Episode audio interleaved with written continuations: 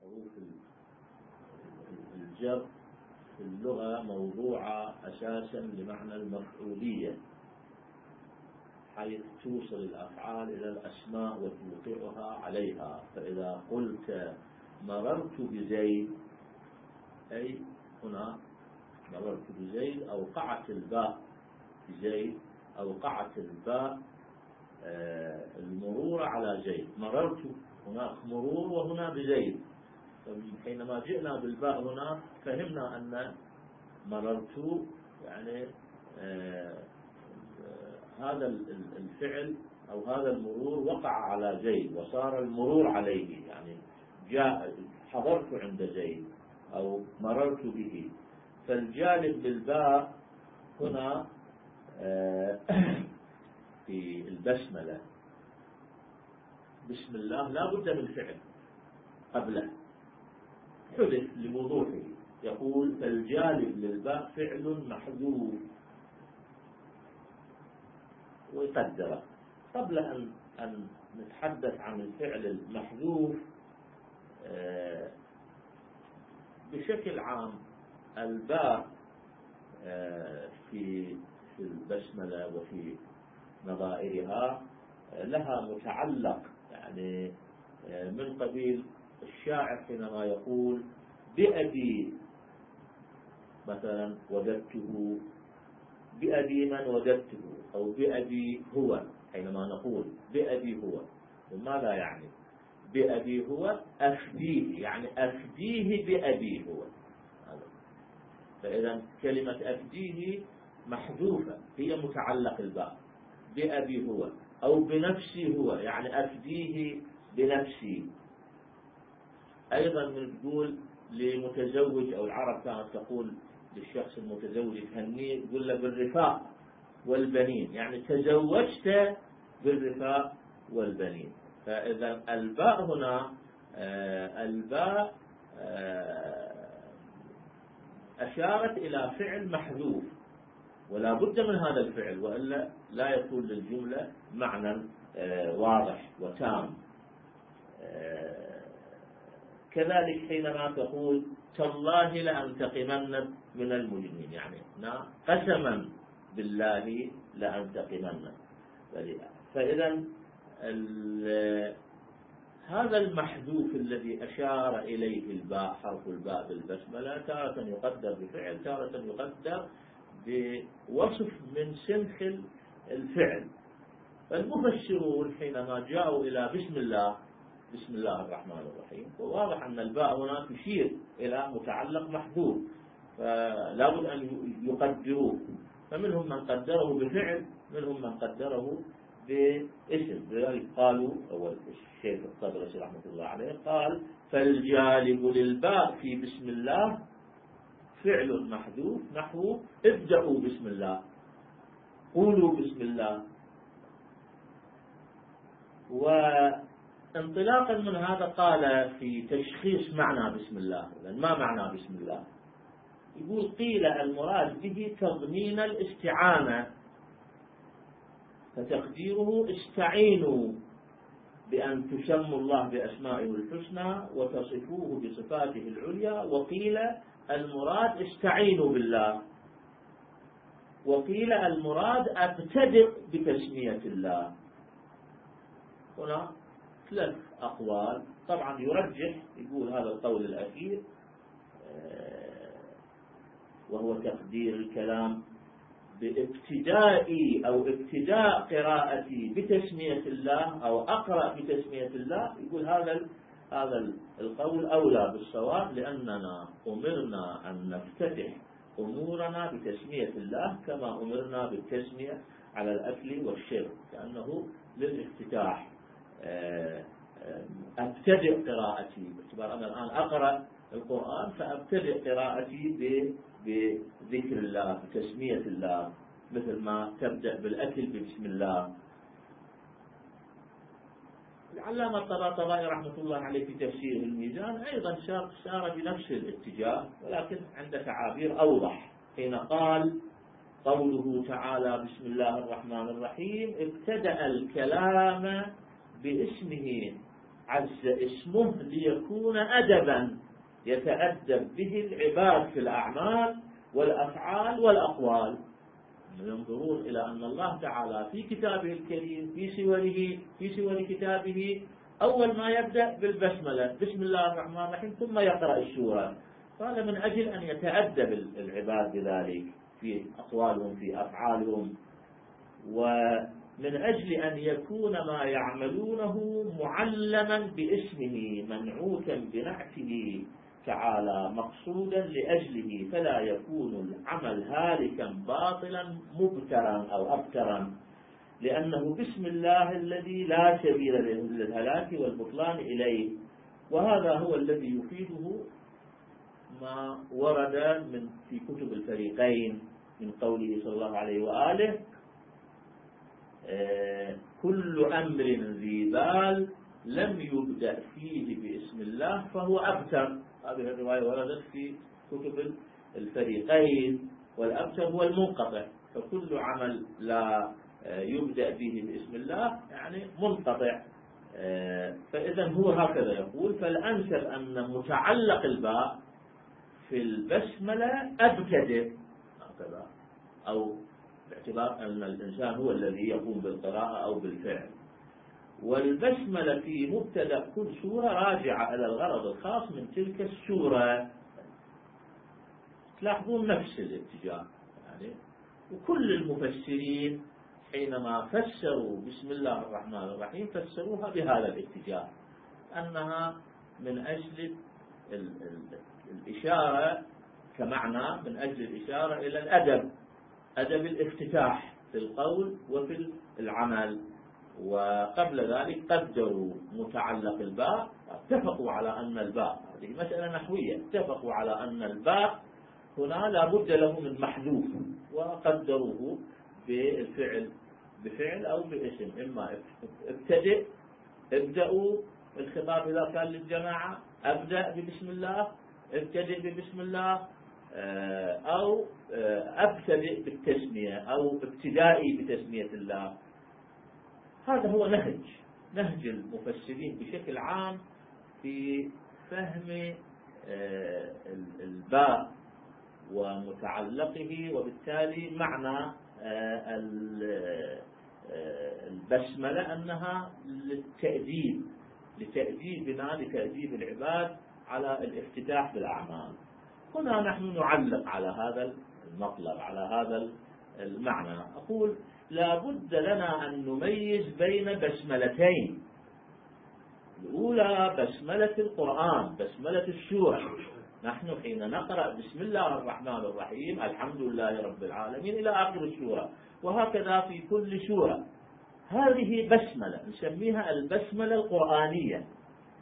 وهناك بسملة الأدب الذي أشارت إليه الروايات. أن لا تدع البسملة ولو كان بعدها شعرا أو كل عمل لا يبدأ فيه ببسم الله فهو أبتر هذه بسملة أخرى. فنفرق بين البسملة القرآنية والبسملة التأديبية أو الأدبية. بسملة الافتتاح التي ينشئها الإنسان من أجل أن يفتتح قوله أو عمله. ما فائدة هذا التمييز؟ راح تظهر في متعلق الباء أن الباء في هذه البسملة لها متعلق. فالآن حين نتحدث عن بسملة الأدب أنا الآن أريد أن أفتتح حديثي ببسم الله التزاما بالأدب أو أبدأ بالأكل فأذكر بسم الله الرحمن الرحيم وأمد يدي. هذا أدب الافتتاح. هنا متعلق الباء واضح. الجالب للباء في بسملة الأدب بشكل طبيعي تقديره بصيغة المتكلم أبتدئ أو بداية أكلي أو أفتتح أكلي أفتتح حديثي. صحيح هذا تقديره للمتكلم فسواء كان فعل أبدأ أو أقرأ أو آه، أتحدث أو بصيغة الاسم ابتدائي أو قراءتي. فحينما يمد الشخص يده إلى الطعام ويقول بسم الله فالفعل المحذوف هو آكل بسم الله أو أفتتح أكلي بسم الله. وحين يقول قبل الحديث بسم الله أي أتحدث بقوة الله أي بقوة الله التي أودعها الله تعالى في أنا الآن آكل أو أتحدث. طبعا هذا معنى مفيد جدا لأن الافتتاح بالبسملة هنا سوف يذكر الإنسان بأن الله تعالى القدير على كل شيء الله تعالى القاهر آه، فوق عباده آه، منحنا قوة نتحرك بها نتحدث بها. إذا المفروض أن أراعي أحكام الله تعالى في هذا الأكل في هذا الكلام في تلك الحركة. أدب تماما آه، حين يلتزم به الإنسان سوف تقود به يقود به هذا الأدب إلى تجنب الكثير من من الغفلة والابتعاد عن عن آه، الخطأ أو التزام الأدب الشرعي في تلك في ذلك العمل أو في ذلك القول. فإذا كان العمل فإذا كان القول غيبة انتهاك مؤمن سوف يكف يعني لأنه هو في البداية في بداية مجلسه قال بسم الله بسم الله الرحمن الرحيم وبدأ يتحدث. أو في الأكل قال بسم الله وآكل. وإذا الطعام اللي أمامه مثلا لحم خنزير والعياذ بالله فما يأكله لأن لأنه سوف يستحي من نفسه يخجل من نفسه أن الذي وهبه القوة والقدرة على الأكل ونهاه عن أكل لحم الخنزير هو يمد إيده يأكل لحم الخنزير. وهذا يعني يخجل من نفس الإنسان. فإذا الفعل الجالب للباء في بسملة الأدب هو فعل يرتبط بالفاعل نفسه بالقائم بالعمل آه، الاعتيادي سواء كان آه، أكل أو شرب أو, أو أي فعل آخر أو قول. أما الفعل الجالب للبسملة في بسملة القرآن الكريم طبعا لسنا نحن الذي جئنا بالسورة. الذي جاءنا بالسورة من؟ محمد صلى الله عليه وآله. محمد صلى الله عليه وآله. عرض للناس بسم الله الرحمن الرحيم الحمد لله رب العالمين. عرض للناس بسم الله الرحمن الرحيم. قل يا أيها الكافرون. عرض على الناس بسم الله الرحمن الرحيم. قل أعوذ برب الفلق. وهكذا السور الأخرى. فالباء متعلقها ما هو؟ وإحنا واضح. لو لو لو قرأنا بسم الله الرحمن الرحيم. قل هو الله أحد. فأنا واضح متعلق البسملة متعلق الباء أي أي شيء. قل واضح هذا. أنه هنا قل كأنه قال قل بسم الله الرحمن الرحيم. الله أحد الله الصمد لم يلد ولم يولد. وهكذا. قل يا أيها بسم الله الرحمن الرحيم. قل يا أيها الكافرون. أو اقرأ يا أيها الكافرون. يعني لا أعبد ما تعبدون. فالباء في بسملة القرآن الكريم متعلقها فعل يعود إلى محمد صلى الله عليه وآله ولا بد أن نقدره بفعل مخاطب إما قل إما اقرأ مثل اقرأ باسم ربك الذي خلق. آه وهنا في الحقيقة يعني البسملة إذن متعلقها السورة أو القرآن كله. وحيث أن البسملة في مطلع كل سورة وهي جزء من كل سورة لاحظ هنا كم هي دقة المعتقد الشيعي حينما قام الشيعة كلهم على الاعتقاد بأن البسملة جزء من السورة. والسورة كما رأينا تحدى بها القرآن الكريم. فإذا آه، يعني هذا من معالم صحة المعتقد. آه، كأن هكذا المعنى بسم الله الرحمن الرحيم اقرأ يا محمد هذه السورة أو غيرها باسمه. باسم الله. هنا لابد أن نقف عند عند الاسم باسمه. الاسم المفسرون يقولون مشتق إما من السمة يعني العلامة. أو من السمو معناه الارتفاع. فإذا بسمو الله يعني بارتفاع الله اقرأ هذه السورة أو هذا القرآن. أو بعلامة الله اقرأ. طبعا ال ال ال الاحتمالين أو المعنيين نتيجة واحدة. لأن بعلامة الله إذا كان الاسم هنا بمعنى السمة. بعلامة الله. بسم الله أي بعلامة الله. ما هي علامة الله تعالى؟ التي يتميز بها على خلقه. العلامة الوحيدة التي تميزه عن خلقه كونه قاهر لعباده. وهو القاهر فوق عباده.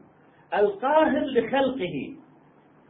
كما آه، هو واضح أن الإنسان مرات يصنع شيء ولكن هذا الشيء يصير أكبر من عنده. وما يتحمل أن يطوق آثاره. الإنسان يصنع القنبلة الذرية. القنبلة الذرية أوسع من الإنسان. أقوى من الإنسان. إذا انفجرت القنبلة الذرية تأكل الإنسان سواء كان صانعها أو غير صانعها. لا تميز بينه وبين غيره. الله تعالى ليس كذلك. الله تعالى حينما خلق الخلق خلق الأشياء أيضا قهرها خلقها وقهرها خلق النار.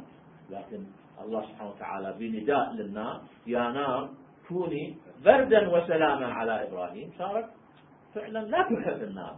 يعني الله تعالى قهرها آه إذا الصفة المميزة لله تعالى عن خلقه هو أو العلامة المميزة كونه قاهرا لها قوته قاهرة لها. آه فإذا اقرأ بسم الله يعني اقرأ بقوته القاهرة شيئا كلاما سوف لن يستطيع أحد أن يأتي بمثله. ولو اجتمع الإنس الجن والإنس. لا لا يستطيعون أن يأتوا بمثل هذا القرآن ولا بمثل عشر سور ولا بمثل سورة واحدة. لماذا؟ لأنك لا تقرأ القرآن لا تقرأ هذه الكلمات انطلاقا من قدراتك الشخصية حتى يضاهيك الآخرون. نحن الآن نتكلم. كل واحد منا يستطيع أن يتكلم كما تكلم الآخرون. يقول الشاعر الفلاني قصيدة فيأتي الشاعر الآخر ويعارضه بقصيدة أخرى. لماذا؟ لأن هذا الشعر أو تلك الخطبة أو ذلك الكلام يصدر منا كبشر. نحن قادرون على صناعة الكلام. بعضنا يحاكي بعضا آخر. ولكن هذا الكلام الذي يأتي به محمد صلى الله عليه وآله وسماه قرآن ومنها سورة الفاتحة سورة الفلق سورة الكوثر سور القصار السور السور الطويلة هذه يقرأها محمد صلى الله عليه وآله عن على الناس باسم الله تعالى القاهر بعلامته المميزة عن خلقه. يعني راح تعكس هذه الصفة. راح تكون خارقة للقانون راح تكون معجزة. كلام معجز. اقرأ عليهم كلاما معجزا. سواء إذا كان الاشتقاق من اشتقاق الاسم من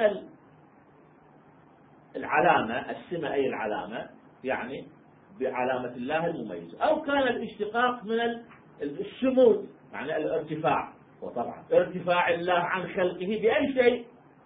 يعني بقهره يقهره يقهرهم.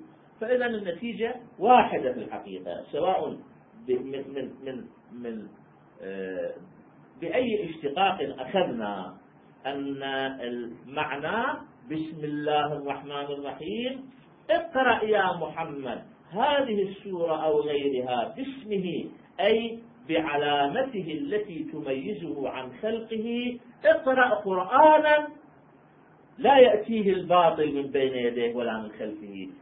تنزيل من حكيم حميد. آه هذا المعنى للبسملة هنا. يعني الفعل الجالب للبسملة آه، آه، أو متعلق الباء بالبسملة آه، أمر خارق ليس فقط في بسملة القرآن. تلاحظون الآن كل بسملة في القرآن الكريم وراها سورة ما عدا البسملة اللي اللي داخل السور راح نتحدث عنها. يعني سور القرآن الكريم مبدوءة بسورة وهذه السورة متحدى بها. واضح. فإذا هو ما بعد السورة يعني متعلق الباء في البسملة أمر خارج. هذا إلى مثال بالقرآن الكريم. في في البسملة نعم له مثال في القرآن الكريم. من قبيل؟ من قبيل قوله تعالى وقال اركبوا فيها بسم الله مجراها ومرساها. اركبوا فيها وركبوا فيها. الآن هذه السفينة صحيح مغطاة مرتبة بطريقة الزقورة بحيث جزء منها يظهر فالمطر من ينزل ما راح يدخل داخل السفينة محكمة كبيرة قوية لأنها صنعت بعين الله تعالى. ولكن الآن الناس الذين سوف يركبون في داخل السفينة سيركبون. عليكم السلام ورحمة الله. آه سوف آه تتحرك بهم تسير بهم في موج كالجبال.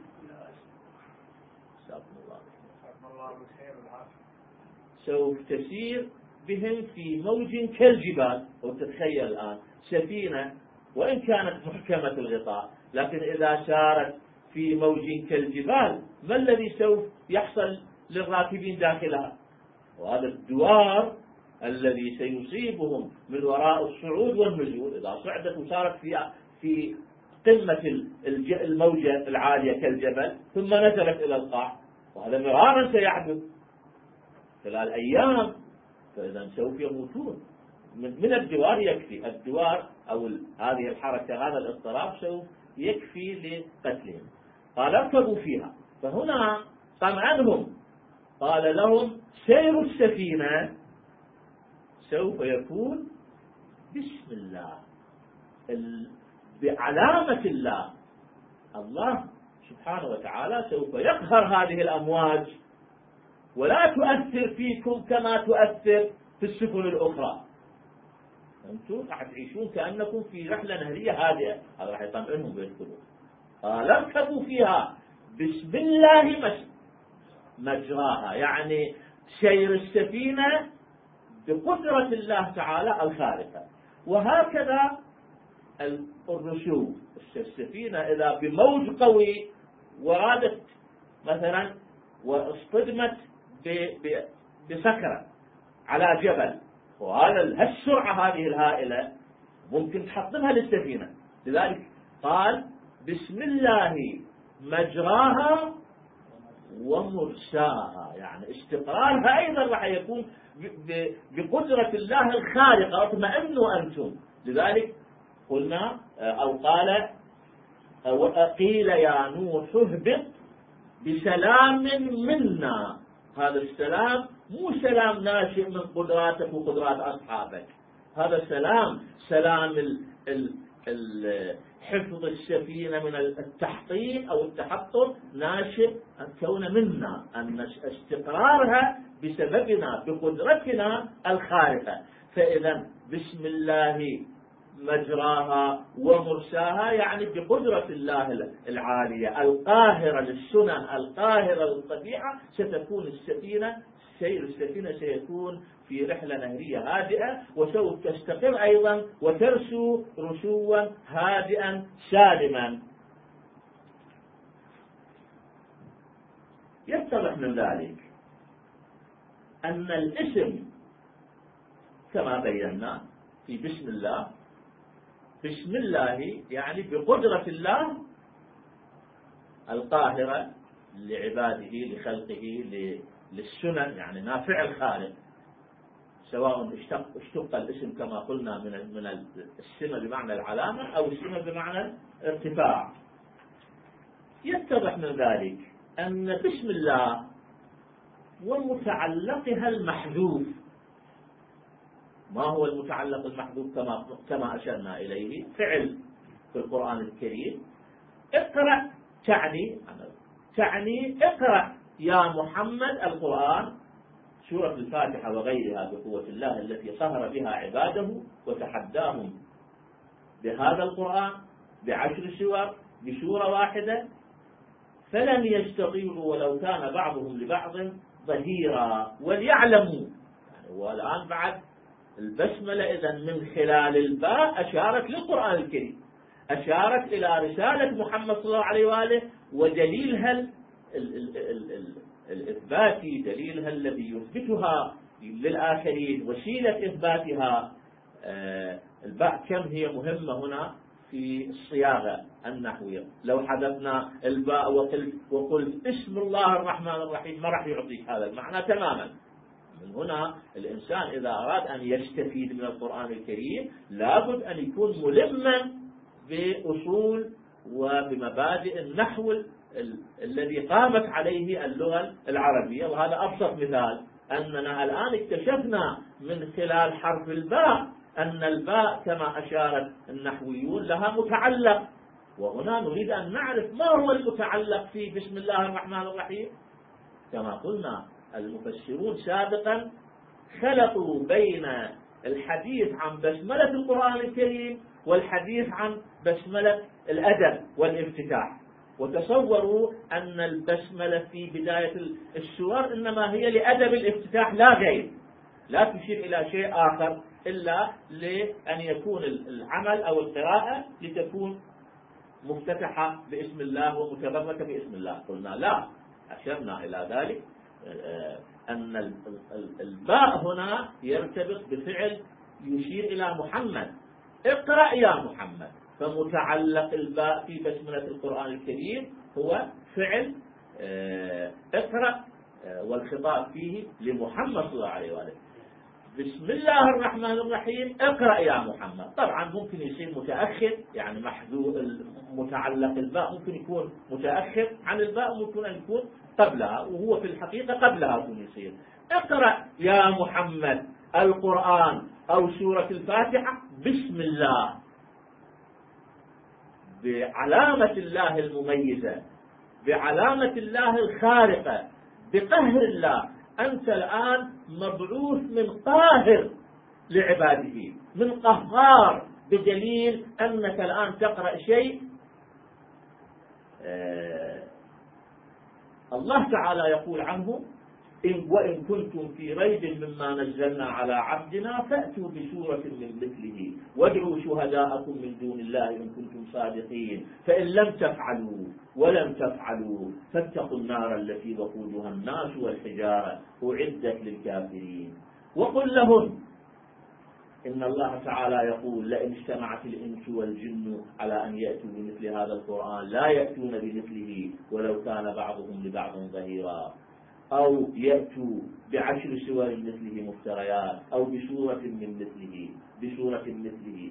وقل لهم هذا هذا القرآن المعجز في الوقت نفسه فيه أفكار فيه تعاليم فيه شرائع فيه مواعظ. وقل لهم إن هذا القرآن يهدي للتي هي أقوم. تبيانا لكل شيء وهدى ورحمة وبشرى للمسلمين. مصدقا لما بين يديه من الكتاب ومهيمنا عليه. هذا الكتاب يصدق الكتب السابقة قبله ومهيمن عليها لأن الكتب السابقة صار فيها إضافات ليس من الكتب فيها تحريفات هذا الكتاب هذا القرآن مهيمنا عليها أمينا عليها. ما نطق به عنها هو الصحيح. وما خلف ما خالف منها للقرآن الكريم هو الخطأ. وقل لهم فمن اهتدى فإنما يهتدي لنفسه ومن ضل فقل إنما أنا من المنذرين. نحن أعلم بما يقولون وما أنت عليهم بجبار. فذكر بالقرآن من يخاف وعيد. وقل أيضا عرفهم طبيعة هذا الكتاب. فهمهم أن هذا الكتاب ليس مثل بقية الكتب. هذا الكتاب وقل لهم هو الذي أنزل عليك الكتاب منه آيات محكمات. هن أم الكتاب وأخر متشابهات. فأما الذين في قلوبهم زيغ فيتبعون ما تشابه منه ابتغاء الفتنة وابتغاء تأويله وما يعلم تأويله إلا الله. والراسخون في العلم يقولون آمنا به كل من عند ربنا وما يذكر إلا أولي الألباب. إن علينا جمعه وقرآنه فإذا قرأناه فاتبع قرآنه ثم إن علينا بيانه. لما كان القرآن فيه آيات محكمات هن أم الكتاب وأخر متشابهات. متشابهات يعني أنت ما توصل لواقع معناها لحقيقة معناها. إنما يريد الله ليذهب عنكم النساء أهل البيت. ممكن يدعيها كل من له صلة بالنبي صلى الله عليه وآله من زوجاته إلى بناته إلى أولاد عمه إلى أعمامه. كلهم يقولون نحن من أهل بيت النبي. ولكن الذي يعرف حقيقة المراد بها هل هم كل هؤلاء أو خصوص النبي وعلي وفاطمة والحسن والحسين؟ هذا من الله تعالى. الله يبينه. لذلك قال إحنا راح نبين هذه المتشابهات. نبين تفسير القرآن الكريم. فإذا قرأناه فاتبع قرآنه ثم إن علينا بيانه. فالنبي يعطي القرآن للناس يقرأ القرآن ويعلمه لتبين للناس ما نزل إليهم فصار واضحة إذا هنا البسملة بسم الله الباء هنا تشير إلى محمد صلى الله عليه وآله من زاوية ومن زاوية لأن الخطاب إلى اقرأ يا محمد القرآن اقرأ السورة. آه، تشير إلى محمد صلى الله عليه وآله وإلى آه، المعجزة التي جاء بها. فالبسملة عظيمة. بسم الله. اقرأ بسم الله. آه، الله اسم للذات المقدسة التي خلقت الكون والإنسان وكل شيء المتصفة بالأسماء الحسنى. ولله الأسماء الحسنى فادعوه بها. طبعا أكثر كلمة وردت في القرآن الكريم هي كلمة الله تعالى. فوق الألفين آه، لماذا جاء بالرحمن الرحيم؟ يكفي كان يقول بسم الله. اقرأ بسم الله. اقرأ يا محمد بسم الله. ويبدأ يقرأ. لماذا أردفها بالرحمن الرحيم؟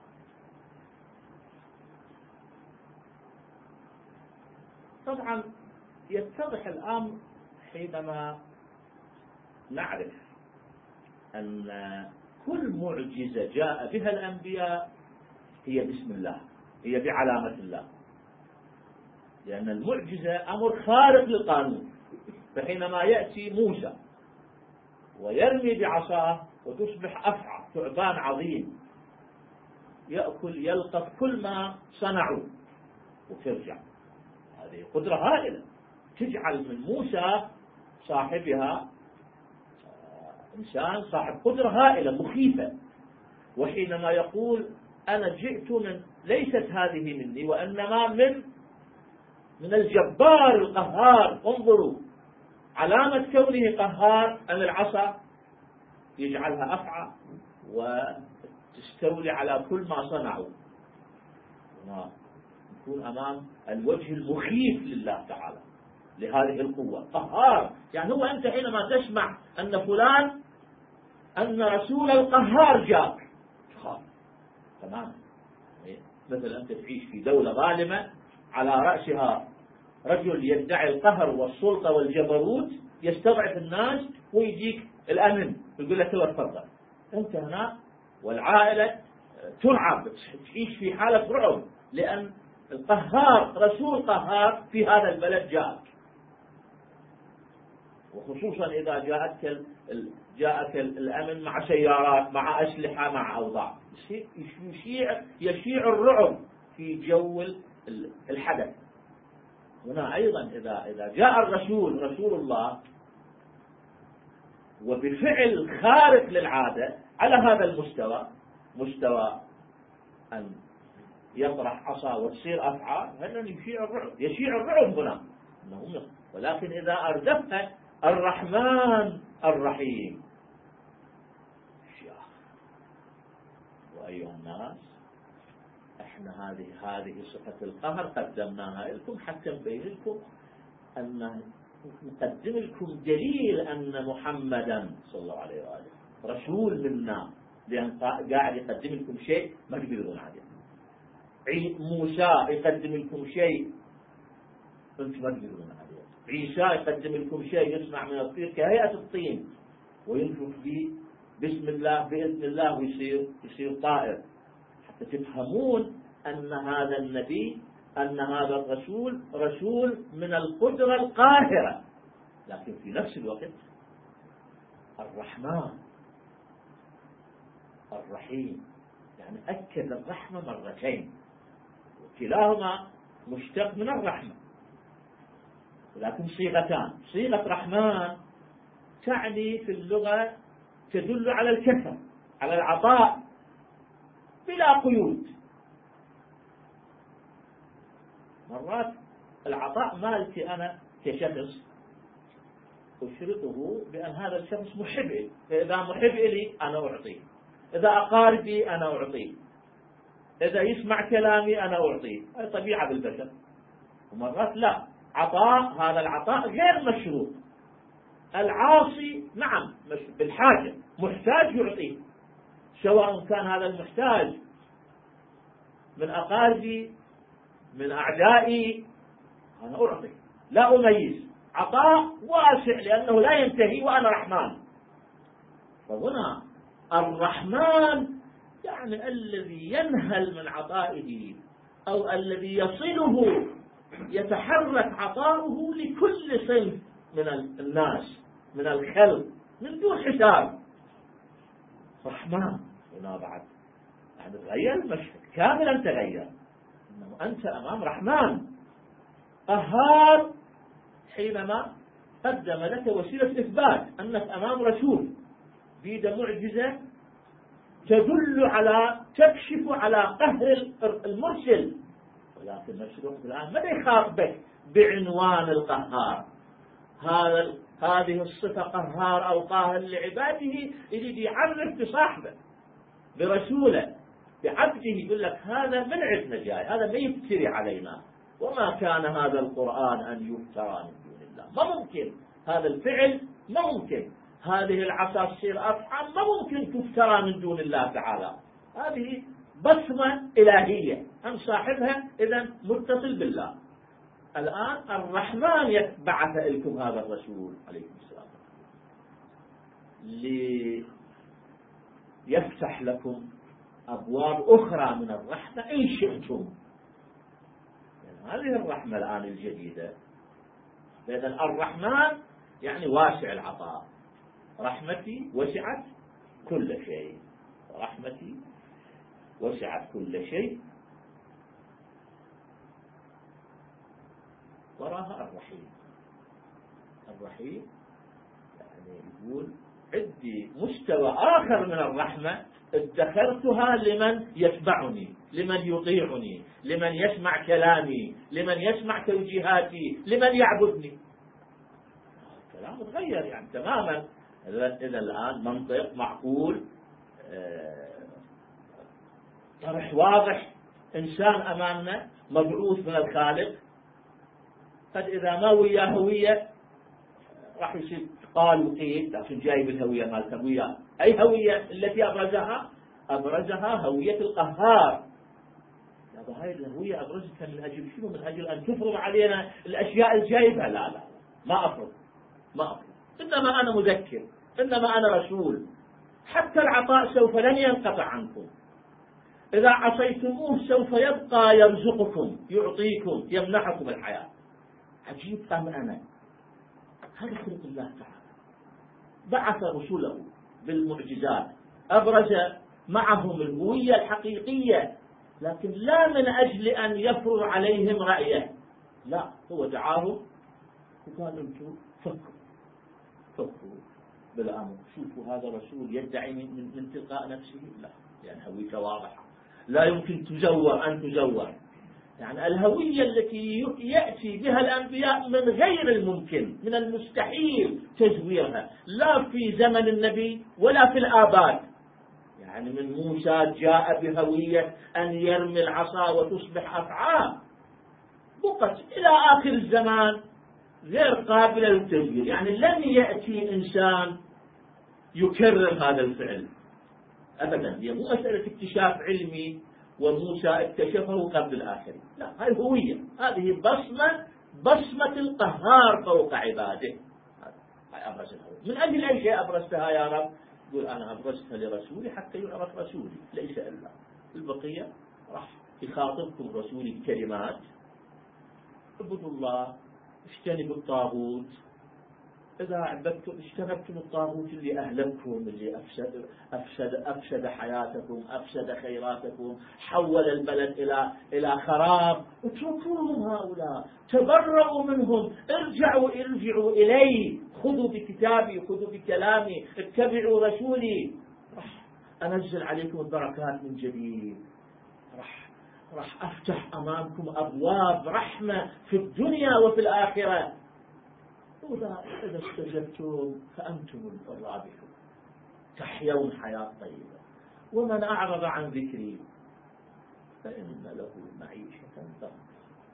لكن رزقي يبقى لك رزقي. لكن هذا رزقي ورزقي أيضا. يعني أنا مثلا الناقة التي كانت بيد بيد الطغاة في زمن النياق بزمن بزمن بزمن صالح كان الطاغوت مجموعة بيدهم أموال كثيرة ويستعبدون الناس من خلال الحليب الذي يعطوه مجانا أحيانا كل النياق بيده والذي يعطي للناقة حليب هو الله تعالى لكن من خلال شرب الماء ومن خلال الكلى. فإذا أقحطت البيئة فيها قحط لأن الناس ابتعدوا عن ذكر الله تعالى. الله يبقى يرزق.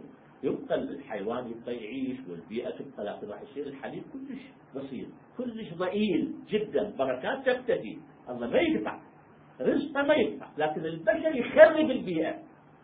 رحمن. الحرية المطلقة الله تعالى أعطانا حرية للاختيار. قال لك أنت تحمل مسؤوليتك تريد تؤمن تريد تكفر. تريد فقط حياة دنيا نؤتيه نؤتك منها.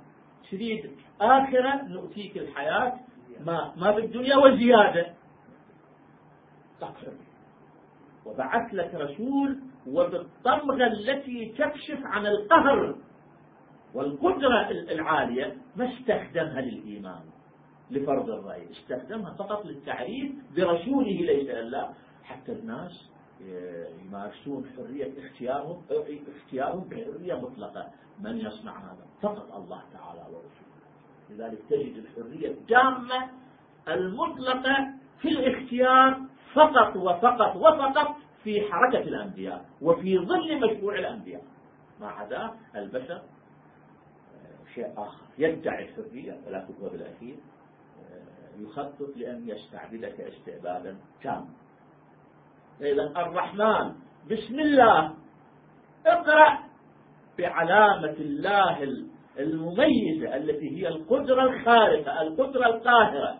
لتعرف ليعرف صدقك أنك صادق في الدعوة. دعوة الرسالة. ثم قل لهم ذكرهم بصفتي. الرحمن عطائي يسع الجميع. ويبقى واسعا لهم شاملا لهم وإن اختاروا رفض الرسالة أخبركم أنا رحيم. لمن اتبعني؟ لمن استجاب لي؟ رحيم. يعوض الخسارة. كم من الناس في ظل الطغيان في ظل الانحراف يحرم من الحياة. سواء كان طفلا شابا شيخا. يحرم بأشكال الحرمان. رأيت خلال هذه الأربعين سنة. حرمان وإلى اليوم الحرمان. يحرم الإنسان من الحياة وهذا إذا إذا مات كيف؟ يعني هذا خسر. حرم. إذا كان مسلما الله يعوضه في الآخر يعوض سجن ومات وهو في سجنه. عبد الله.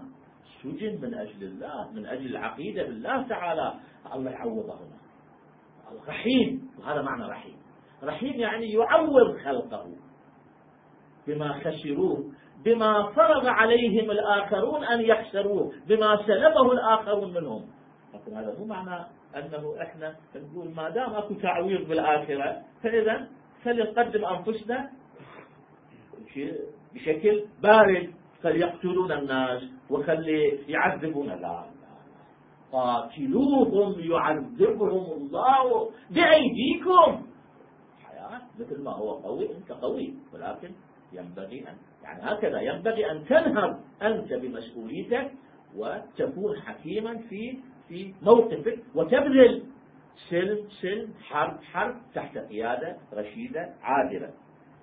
التعويض يأتي بعد هذا. لا ليس التعويض من أجل أن أن آه، تسلك سلوك آه، إن ضربك على خدك الأيمن فأدر له خدك الأيسر تقول له الضربة الأخرى.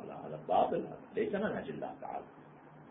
وإنما هذا التعويض يأتي حينما آه، يموت الإنسان في جو غير قادر على أن ينتصر لنفسه. السجن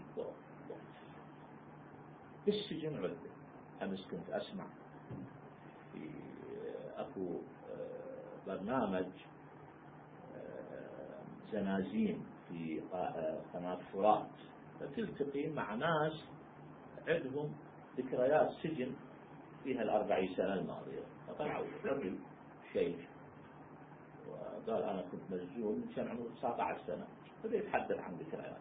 شوف نموذجين قال نموذج أنه كان يوميا إحنا غرفة مكتظة يعني غرفة غرفة صغيرة يتكلمون بها بحيث ماكو مجال بعد لأن الإنسان يمدد في النوم. حار بوخة شديدة. يقول يوميا من الصبح يجيبون لنا آه، شيشة قمر منين جايبين هذا القمر؟ مربي تربية أكثر. ويرموا هذول مضطرين يقول فهذا ينمو بسرعة يسوي مستعمرات في في طيات الجسم في طيات هذا شو هؤلاء هذا الإنسان حرم حرم من أبسط حقوقه. أن يعيش في عيشة بعيدة عن الميكروب. وهكذا يقول مشهد آخر. يقول أنا في غرفتي جابوا لي واحد يمي. ماكو سنتيمتر من جسمه ما معذب. ما, ما عليه أثر.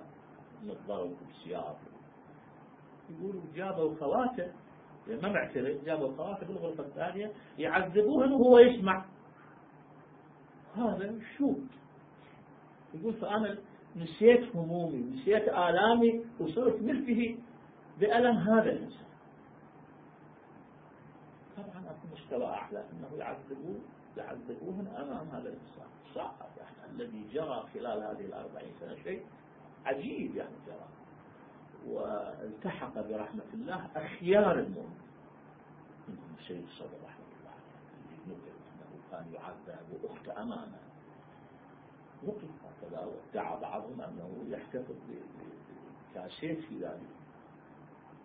هذا ما يراد تعويل؟ ما الله تعالى يعوضه لذلك الله ينزل من البلاء من الصبر على قدر البلاء. هذا ابتلاء الله تعالى رحيم بالمؤمن. يعني المؤمن إحنا الآن ما نتخيل كيف يمكننا أن نتحمل ذلك. لو أن الله ابتلانا بهذا.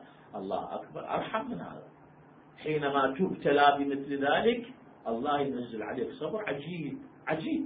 يعني انت عبده رحمن. هو إذا رحمن بالكافر يوصل له طعام يوصل له ماء يوصل له رزقه. ما يرحمك أنت وأنت المؤمن وتستضعف من أجله.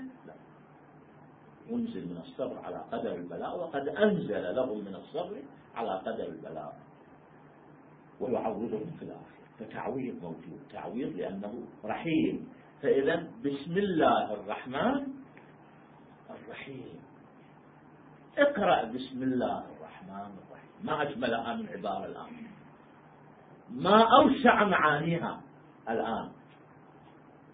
إذا خلاصة القول في البسملة أنها تتحدث عن ثلاث صفات أساسية لله تعالى. الأولى قوة الله القاهرة فوق عباده المميزة له عن خلقه. الثانية والثالثة كون صاحب القوة القاهرة رحمن رحيم. هذا واحد. اثنين أشارت من خلال متعلق الباء المحذوف لوضوحه. قاعدة نحوية أنه يحذف متعلق الباء إذا كان واضحا جدا. وأفضل يعني أشارت الباء إلى أشارت البسملة من خلال الباء إلى متعلق محذوف إلى أفضل تطبيقين للصفات التي ذكرت آنفا. القوة القاهرة ورحمن رحيم. أفضل تطبيقين لهما المعجزة والرسالة لأنه أفضل تطبيق للقوة القاهرة أن تأتيك يأتيك حدث خارق للسنة معجزة. والمعجزة القرآن قبل يحيي الموتى ويصنع من الطين وينفخ به ويصير طاير قبل العصا قبل ناقة صالح هذه هي كلها تطبيقات لل للقهر الإلهي للعلامة المميزة لله تعالى والتطبيق الثاني الرسالة. الرسالة الله تعالى بعث الأنبياء رحمة بعثهم رحمة كما في ال ال ال الآيات. وما أرسلناك إلا رحمة للعالمين. وما أنزلنا عليك الكتاب إلا لتبين لهم الذي اختلفوا فيه وهدى ورحمة لقوم يؤمنون. وننزل عليك من القرآن ما هو شفاء ورحمة للمؤمنين. ولا يزيد الظالمين إلا خسارا. يا أيها الناس قد جاءتكم موعظة من ربكم ورحمة من موعظة من ربكم وشفاء لما في الصدور وهدى ورحمة للمؤمنين. طيب تطبيقين. المعجزة والرسالة تطبيقين علما لصفة القهر وصفة القهر فوق العباد وصفة الرحمن. اتضح من ذلك أيضا لولا حرف الباء لكانت العبارة اسم الله الرحمن الرحيم. ما كان بها هذه الدلالة. فاتضح لنا سر الباء. أن سر البسملة أين في الباء. بسملة لها سرها في الباء. والباء سرها في أين؟ في النقطة. لأن إذا ما في نقطة. ما يصير عندنا حرف باء نعم. وبالتالي إذا إذا غيرنا حذفنا الباء ما راح يصير. إذا خلينا نقطة ثانية صار يا صار يا اسم الله في آخر صار. المهم إذا آه هذه المعاني العظيمة في البسملة ناشئة من الباء من دخول حرف الباء كأداة آه آه حرف جر. ورد عن أمير المؤمنين سلام الله عليه قال لو شئت لأوقرت سبعين بعيرا من تفسير بسم الله الرحمن الرحيم. حطوا الآن البسملة يعني كل شيء فيها البسملة تماما. يعني هذه البسملة عظيمة لأنها أشارت إلى الله تعالى وأبرز صفاته وأشارت إلى الرسالة وأشارت إلى المعاجز تماما. عن ابن عباس قال كان علي يشرح لنا علي, علي عليه السلام يشرح من نقطة الباء من بسم الله الرحمن الرحيم ليلة فلق عمود الصبح بعد ولم يفرغ وبعد لم يفرغ. وعن الصادق عليه السلام قال إن أعظم آية في كتاب الله هي بسم الله الرحمن الرحيم. وفي تهذيب الأحكام عن أبي عبد الله عن أبيه عليه السلام قال بسم الله, بسم الله الرحمن الرحيم. أقرب إلى اسم الله الأعظم من ناظر العين إلى بياضها. عظيمة هاي البسملة. طيب شنو معنى اسم الله الأعظم؟ ولله ولله الأسماء الحسنى فادعوه بها. وهناك اسم أعظم. الاسم الأعظم هو القاهر فوق عباده. القهار الذي هذا الاسم الذي يقهر به الأشياء. فتأتي لو خوطب بها من دون أسبابها الطبيعية. خاطب بسم الله ويخاطب الجبل. أن يلد ما أرادوا. ناقة ذات فصيل من دون أسبابها الطبيعية. ورأسا الجبل انفرج عن ناقة ذات فصيل هذا هو اسم الله العظيم. يحرف به الأشياء. هذا منطوي في البسملة. إذا أي شيء الله أكرمنا به. عظيم. البسملة عظيمة جدا. يتضح من هذا إذا معنى بسملة القرآن. هذا المعنى للبسملة عفوا أن هذا المعنى للبسملة مناسب جدا لأن تفتتح بها السورة المعجزة. لأن لأن القرآن يتحدى العالم يتحدى الجن والإنس على أن يأتوا بمثل هذا القرآن. على أن يأتوا بمثل عشر سور بمثل سورة واحدة. فهذه السورة المتحدى بها لا يعني جدا مناسب أن تفتتح بأي شيء. بسم الله الرحمن الرحيم التي تشير إلى آه، مصدرها الحقيقي أنها صدرت عن القاهر عن القاهر فوق عباده. فما ممكن أن أن أن يجاري يجاري الله تعالى القاهر فوق عباده؟ البشر لو اجتمعوا حتى يصنعوا سورة أو عشر سور أو القرآن الكريم.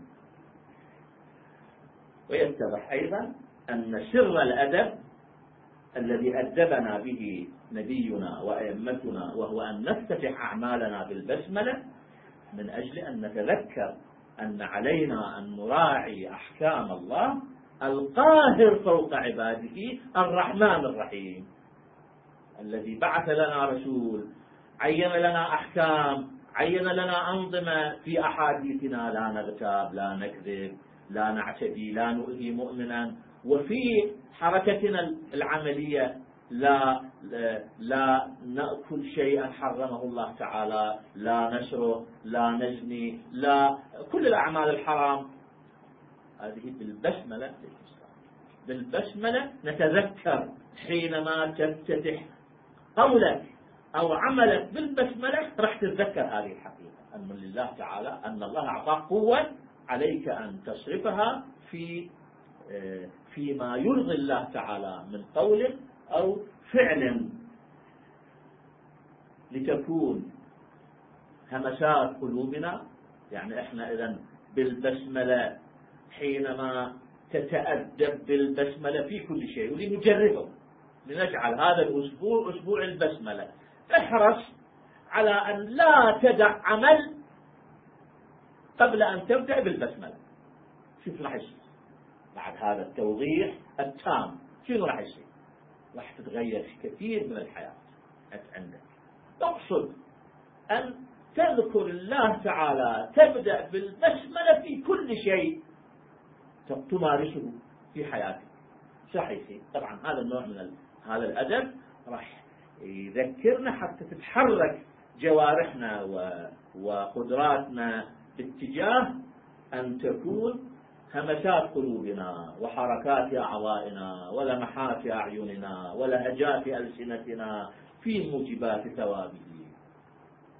حتى لا تفوتنا حسنة نستحق بها جزاء ولا تبقى لنا سيئة نستوجب بها عقابا.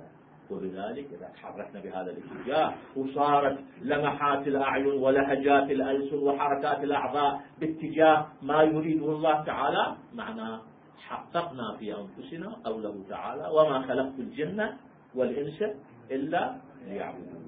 نسأل الله تعالى أن يوفقنا للاستفادة من كتابه الكريم ومن من سيرة نبيه وهدي أهل بيت نبيه ويختم لنا بخير ويغير ما بنا من سوء حال إلى حال حسن ويرينا أمنيتنا في حياتنا بظهور الطلعة البهية وأن يجعلنا من جنده وأنصاره وأعوانه والحمد لله رب العالمين والصلاة والسلام على أشرف الأنبياء والمرسلين محمد وآله الطاهرين. اللهم صل على محمد